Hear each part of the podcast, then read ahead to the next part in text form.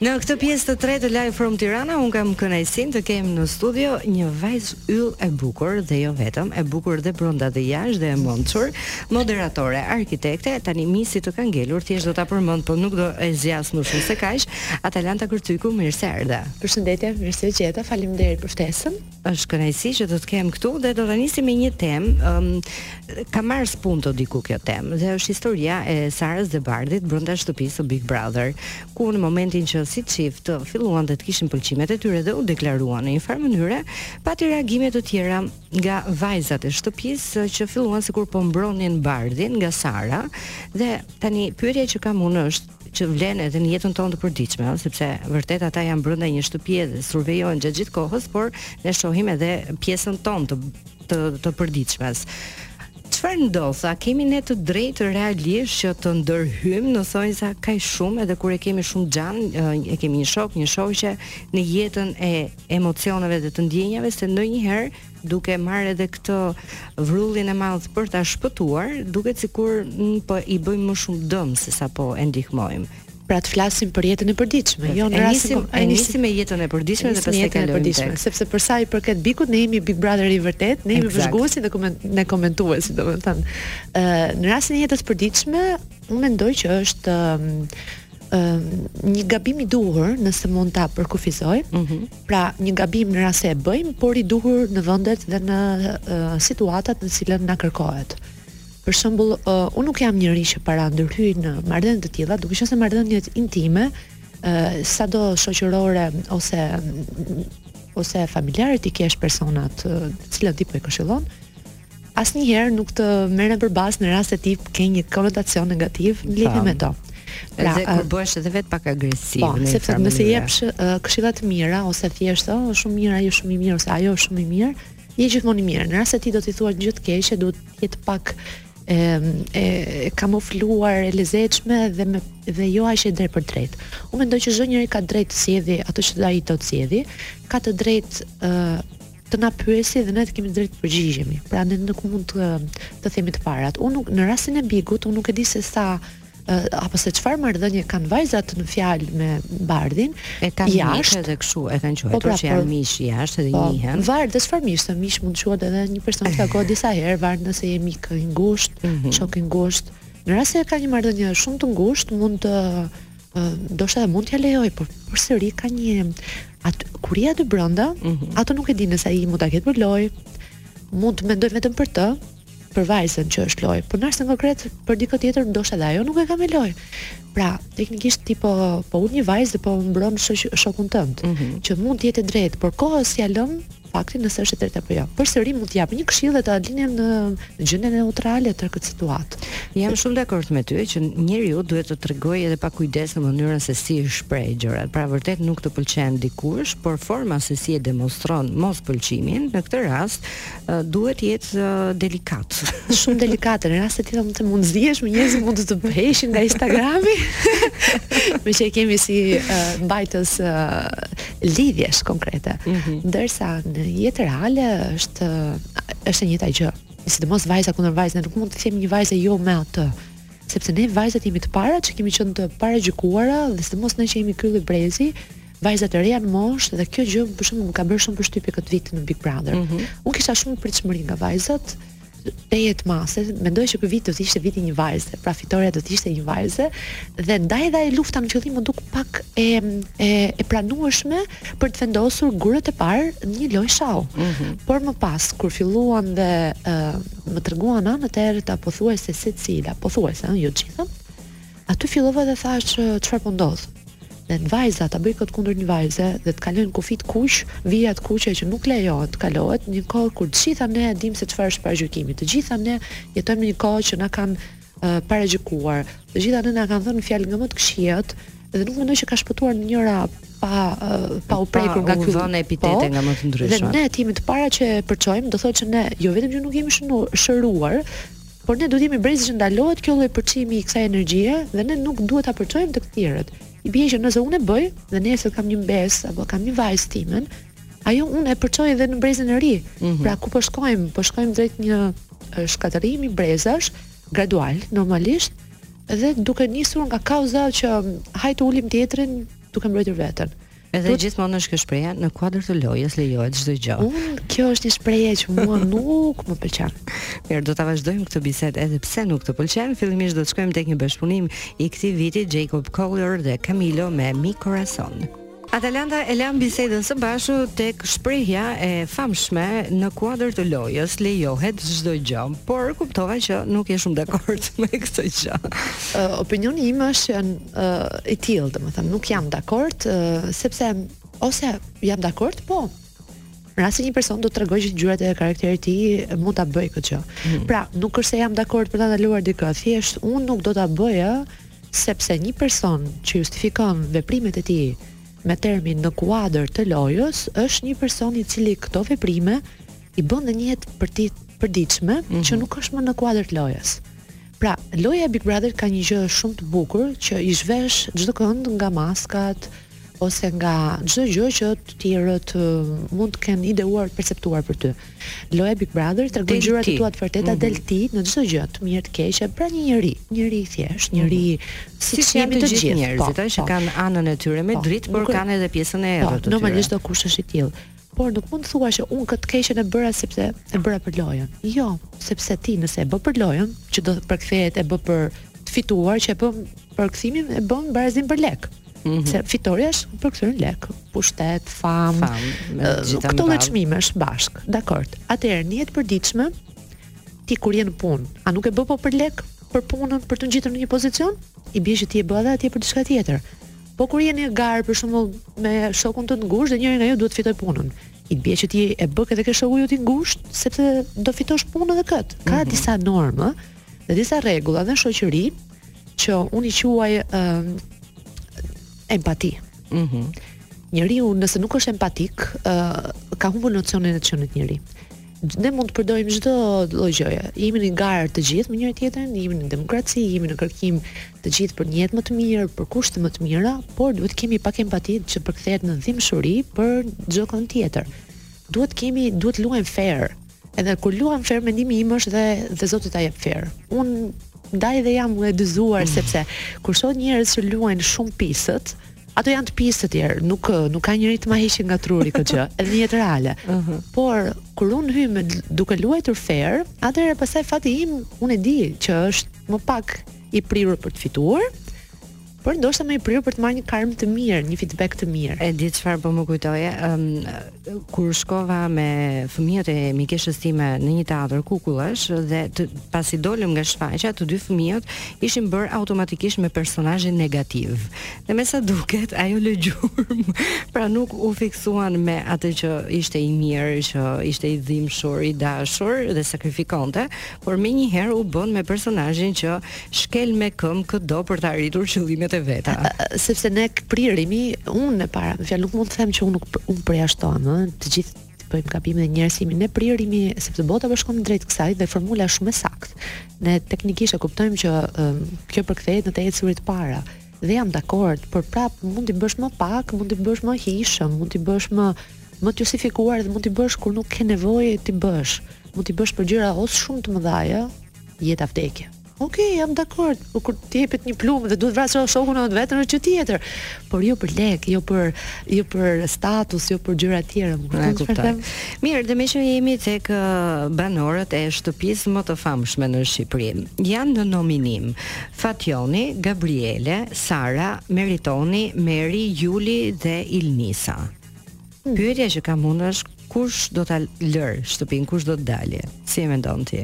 Po, unë si një si Big Brother i vetë sot u krijua këtu. Unë mendoj që Gabrieli është më i predispozuar për të mhm. për të humbur këtë garë, domethënë këtë ndoshta nuk ka qenë aq aktiv në shtëpi si nuk ka qenë shumë aktiv, nuk e kam kuptuar nëse ai e ka kuptuar që është Big Brother apo jo. Uh, nuk thashë të zihej, absolutisht nuk thashë që duhet të kesh një strategji që të zihesh me të gjithë, por mund të jetë më aktiv, ja nuk e shoh fare, është është njësoj si Olsi. Olsi ja për shembull është një personazh që kam pritur shumë prej tij, e kam menduar që kur doli emri në që do hynte në një nga finalistët madje. Ëh. Mm -hmm. Dhe më ka më ka surprizuar, ndoshta ai po po studion Ok, qoftë hajë në shtetën e Regjit. Ndoshta. Qoftë edhe shumë, ndryshe nga e, e vërtet e vitit të kaluar edhe një më parë. E vërtetë, është edhe një thikë me dy presa, ti mund të rrish i urtë në fillim në mënyrë që mos po të shpëtosh nga nominimet dhe të studiosh banorët. Pra, Prap të gjithë e kanë një mundësi dhe shans për të fituar. Mundet Gabrieli mos të eliminohet dhe të eliminohet një tjetër, por të tjerë më duken pak më të fortë dhe mm -hmm. kanë çfarë të thonë, ça të japin më shumë. Deri tani, se duket ky Big Brother sikur ka kohë që ka nisur, por në fakt nuk ka dhe është ose jam përfshirë. Janari është shumë i gjatë. Edhe janari është shumë i gjatë, por uh, edhe kur eci gjatë rrugës, dëgjoj njerëz që diskutojnë për Big Brother, kështu që mm. prandaj duke qenë në hapësira të ndryshme dhe që ti je gjithë kohës duke dëgjuar për banorët në shtëpi, atëherë të duket sikur ka dhe shumë kohë, por në fakt nuk kanë aq, por deri tani kush mendon ti që do të shkojë drejt finales nga çunat edhe nga vajzat? Po, ë uh, siç thash pak më parë Juli Romeo, Ilnisa mendoj mund të jetë dhe Alpi. Ëh, mm -hmm. uh, vajzë tjetër mund të jetë uh, Heidi. por një nga këto domethënë do mungojë se u bënë më shumë se sa ti je finalist. E kuptoj. Këto po, mendoj. Në lidhje me uh, këto lidhjet e dashurisë brenda shtëpisë, si ke parë ti nga jashtë, se të gjithë ne jemi, domethënë njerëz që i shohim nga jashtë, jemi më gjakftohtë, i shohim uh, më ndryshe se sa mund të jenë ata brenda të përfshirë me njëri tjetrin. Por duket sikur janë krijuar këto pëlqimet e para, po i them unë, mm -hmm. që është Romeo me Heidin, Sara me Bardhin, Ilnisa me Meritonin. Romeo dhe Heidi më pëlqen më shumë nga tre çiftet e përmendura, duke qenë se më duket se po e marrin më shtruar, dhe ndoshta natyra ime gjen veten tek një lidhje e tillë. Por nuk do të thotë që është gabim dhe dy lidhjet e tjera, por Ilnisa në rastin konkret sikur i ka futur marshin e pestë, mm. dhe shumë shpejt. Ndoshta ndjenjat janë më të forta tek ajo, jam dakord, por Ë, uh, un prisja prej saj të ishte aspak e cënueshme në lidhje dashurie. Prisja që të ishte një nga ato vajzat e forta që ë uh, jo se ka gjë të gabuar dashuria, por nuk e di pse e kisha këtë lloj predispozimi për të ë uh, ndoshta edhe nuk e për, nuk më pëlqen ë uh, kombinimi i tyre. Mm -hmm. Për mhm. shembull, uh, Ilnisa me Meritonin Sikur e shoh Ilnisën me një lloj tjetër, ndoshta këto janë paragjykime, ndoshta tjetër lloj mashkulli, një, një tjetër lloj sikur brenda shtëpisë, përveç ajo tani, domethënë duket sikur ka një pëlqim karshi Meritonit. Po. Të tjerë mendojnë që Meritoni është ndë, duke luajtur, kjo nuk dihet, duhet të shohim. Nuk dihet, do ta shohim, por me kë tjetër të duket sikur do kombinonte më mirë? Ilnisa nuk mendoj që do kombinonte me kënd në shpi, prandaj them, mm -hmm. e mhm. mendova si një luftëtare të vetme në, në luftën e saj. Ndërsa uh, Sara për shembull mendova që Sara mund të kishte pak më shumë uh, kombinim me Romeon. Më shumë sesa me Bardhin. Mm -hmm. Ndoshta gaboj, por nuk më duket se edhe ajo ka gjetur tipin që unë mendoj që i shkon për shtat fizikut, si vajzë, si mhm. marsh, më fin, një tërësi energjie që është ajo. Por, uh, qofshin të hajrit. do ta shohim, do, këtu jemi, do t'i komentojmë sërish. Këtu jemi në, deri, në Big Brother i vërtet. ne do ta vazhdojmë bisedën së bashku, e do të pyes pak edhe për Dancing, si ishte për ty si eksperiencë, por fillimisht do të shkojmë tek MC Kresha and Lyrical Son me Shake It. Live from Tirana. Në Top Albania Radio. Live from Tirana. Mirë Atalanta për ta mbyllur bisedën në lidhje me Big Brother VIP. Um, u përfol, por nuk do merrem me për, me atë çfarë u përfol në rrjete sociale. Do ta bëj pyetjen direkt. A do të dëshiroje të ishe një ndër banorët e shtëpisë më të famshme në Shqipëri? Bëra drejtpërdrejt fare. Kjo pyetje më është bërë disa herë e, dhe dhe, dhe si lajm ka qarkulluar në fakt mm -hmm. dhe unë nuk e di pse ka qarkulluar, por uh, meqë ky vit iku, do ta mendoj vitin tjetër. pra nuk do të thoshe jo. Tani ne të gjithë e dimë se sa fuqi ka pjesëmarrja në Big. Mm -hmm. Të gjithë e dimë. Po. Dhe në këtë lloj kohe që jemi që është koha pak e shpejtë, koha pak njerëzit që kërkojnë gjëra më më të shpejta, është më fjalë çdo kush e kupton si funksionon kjo formulë, duhet ta kapë atë moment. Nuk e di do të thoja po apo jo, por ky vit iku, kështu që do të mendojmë vitin tjetër. Nuk i dihet asnjëherë. Më pyet sërish. Mirë, tani do të pyes për një eksperiencë që ka kaluar, kam fjalën për Dancing with the Stars dhe si e kujton tani dhe pastaj do të më tregosh pak për ato momentet e provave si je ndjerë. Si e kuptoj tani? Si e kujtoj tani? Po, si e kujton tani që ka mbaruar? Si uh, një nga eksperiencat më të bukura seriozisht që kam kaluar është një nga emisionet më të bukura por më të vështira, dhe mund të mos them më i vështiri që kam parë dhe kam bërë. Ëh, mm -hmm. uh, Dancing është super edicion është është një multitasking që u tregon pak a shumë shumë gjëra rreth vipave, Pra, nëse do ta listonim, unë unë e vë pas Big Brotherit si um, si një mënyrë që tregon vërtet VIP-at në kuadër të ndryshme. Në rast konkret ti tregon një talent mm -hmm. që mhm. është një kërcim, talent ndoshta të paktën mësuar më parë, ndoshta s'e ke mësuar dhe e e rigjen vetë edhe ushtron aty. Në të dyja rastet tregon një talent, tregon punë, tregon disiplinë, Unë jam një rast konkret që unë nuk kam pas kurrsesi eksperiencë kërcimi zero. Mund të ishte minus, mm -hmm. minus jo zero. dhe erdha dhe u bëra. Kjo ishte, ndoshta më ndihmoi edhe trupi, elasticiteti e këto, por u bëra. Pra do thotë që njeriu punon kur ul kokën punon dhe bëhet. Dhe kur do. Shembuj të mirë, po. Se nëse e do një gjë, do të kuptohet që do përmirësohesh dhe do arrish disa qëllime që i ke vendosur po, vetes. Puna në grup, pastaj tregonte pjesë karakterit tënd, mënyra se si ti replikoje me të jurist, tregonte pjesë kulturës tënde, ë uh, sepse të gjithë ne nuk ishim dakord, të gjithë ne me mënyrën tonë. Si mund të jeni dakord?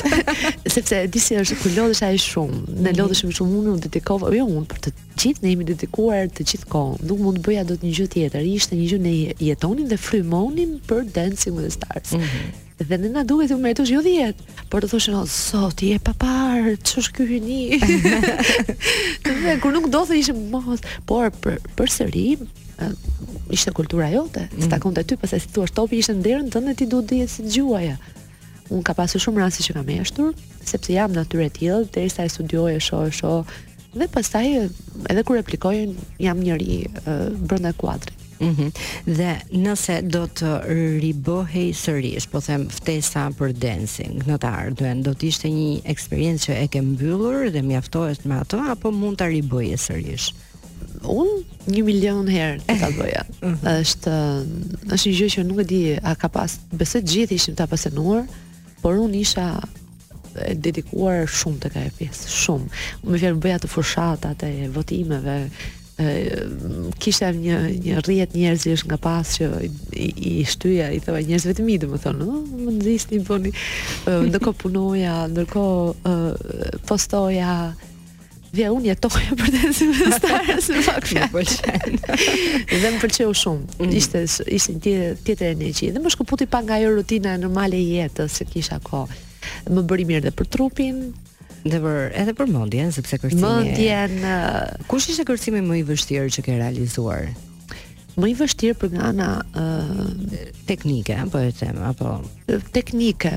Të gjithë shikoj, unë çdo javë thoja, ah, ky është më i vështirë. Javës thoja, mo, ky është më i vështiri.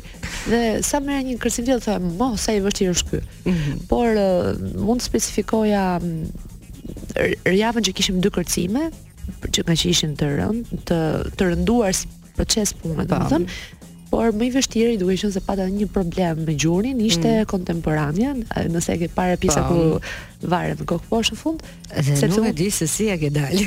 Un kam personalisht. Po. Duket e vështirë ai moment dhe prandaj të pyeta për momentin dhe kërcimin e vështirë. Ai ishte më i vështirë mendimin tim sepse un kam gjatë javës ne e bënim për shembull një ditë mund ta bësh mbi 40 herë. Mhm. Mm e kaloni. Si provë, po. Dhe 40 herë sot, me thënë dhe ke filluar ndonjë javë më parë, i bie pothuajse 2 javë që unë e bëja dhe kishte një pjesë unë bija me gjunjë. Edhe unë e bëja çdo herë dhe unë i kisha gjunjët të fryrë. Oj oj oj. Të fryrë, edhe të nxirë dhe unë akoma sot, sot që ka kaluar rreth një muaj e pak, nga Dancing with the Stars kur çohem, më kërcet ky gjuri këtu dhe mos. akoma e kam pak një dhimbje tek ky gjuri. Ajo ishte do kaloj gradualisht. Por momenti më i bukur që kujton sot, momente të bukura ka plot.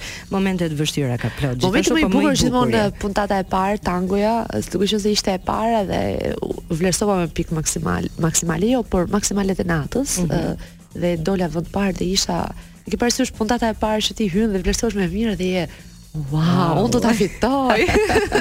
Kjo ishte. Okej, okay, gjithsesi ke fituar një eksperiencë dhe ke ke mësuar. Kam fituar një eksperiencë, kam mësuar, më ka shërbyer për mirë, kam marrë miq të mirë, ishte një gjë jam tepër e falënderuar.